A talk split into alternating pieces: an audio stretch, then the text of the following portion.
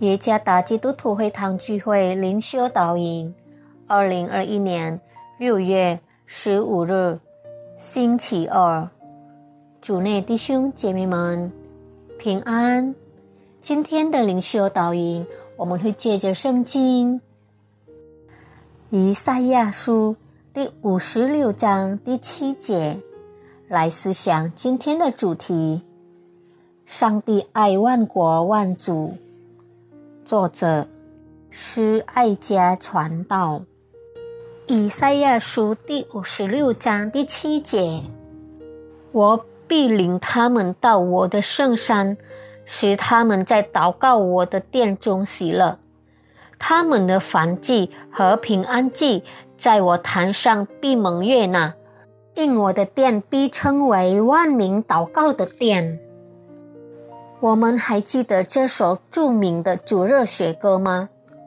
上帝爱所有孩子，世界上所有的孩子，黄色、白色和黑色，所有人都为上帝所爱。上帝爱世界上所有的孩子。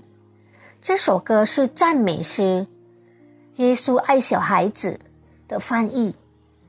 这首歌告诉我们，耶稣爱任何国家的所有孩子。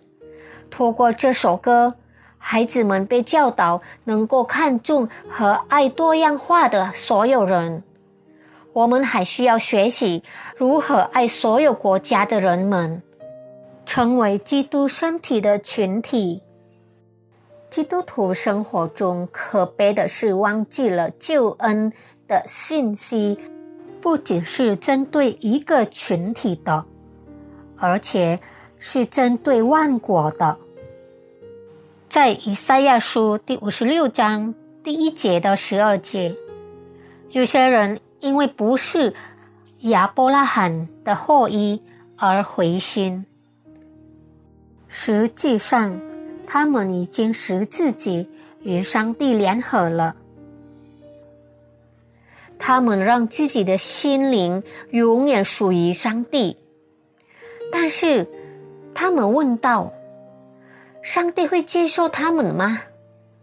因为他们是外邦人。”第三节，他们不是来自犹太民族，他们担心自己在神圣的月中没有份或权利。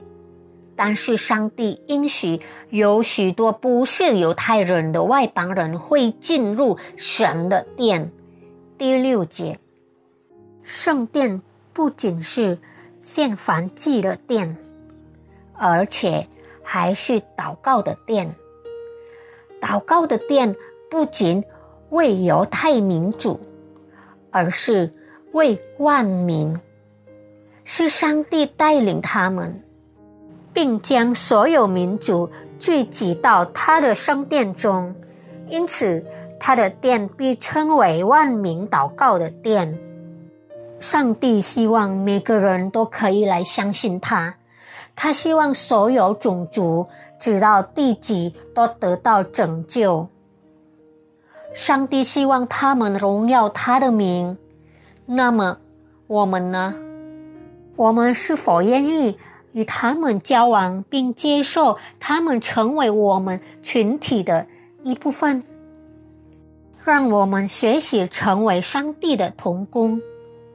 我们要成为一个可以涵盖所有人的群体，无论他们是谁，无论他们的背景如何。上帝希望万国都成为他的门徒。因此，要成为一个可以接受多样性的群体。愿上帝赐福大家。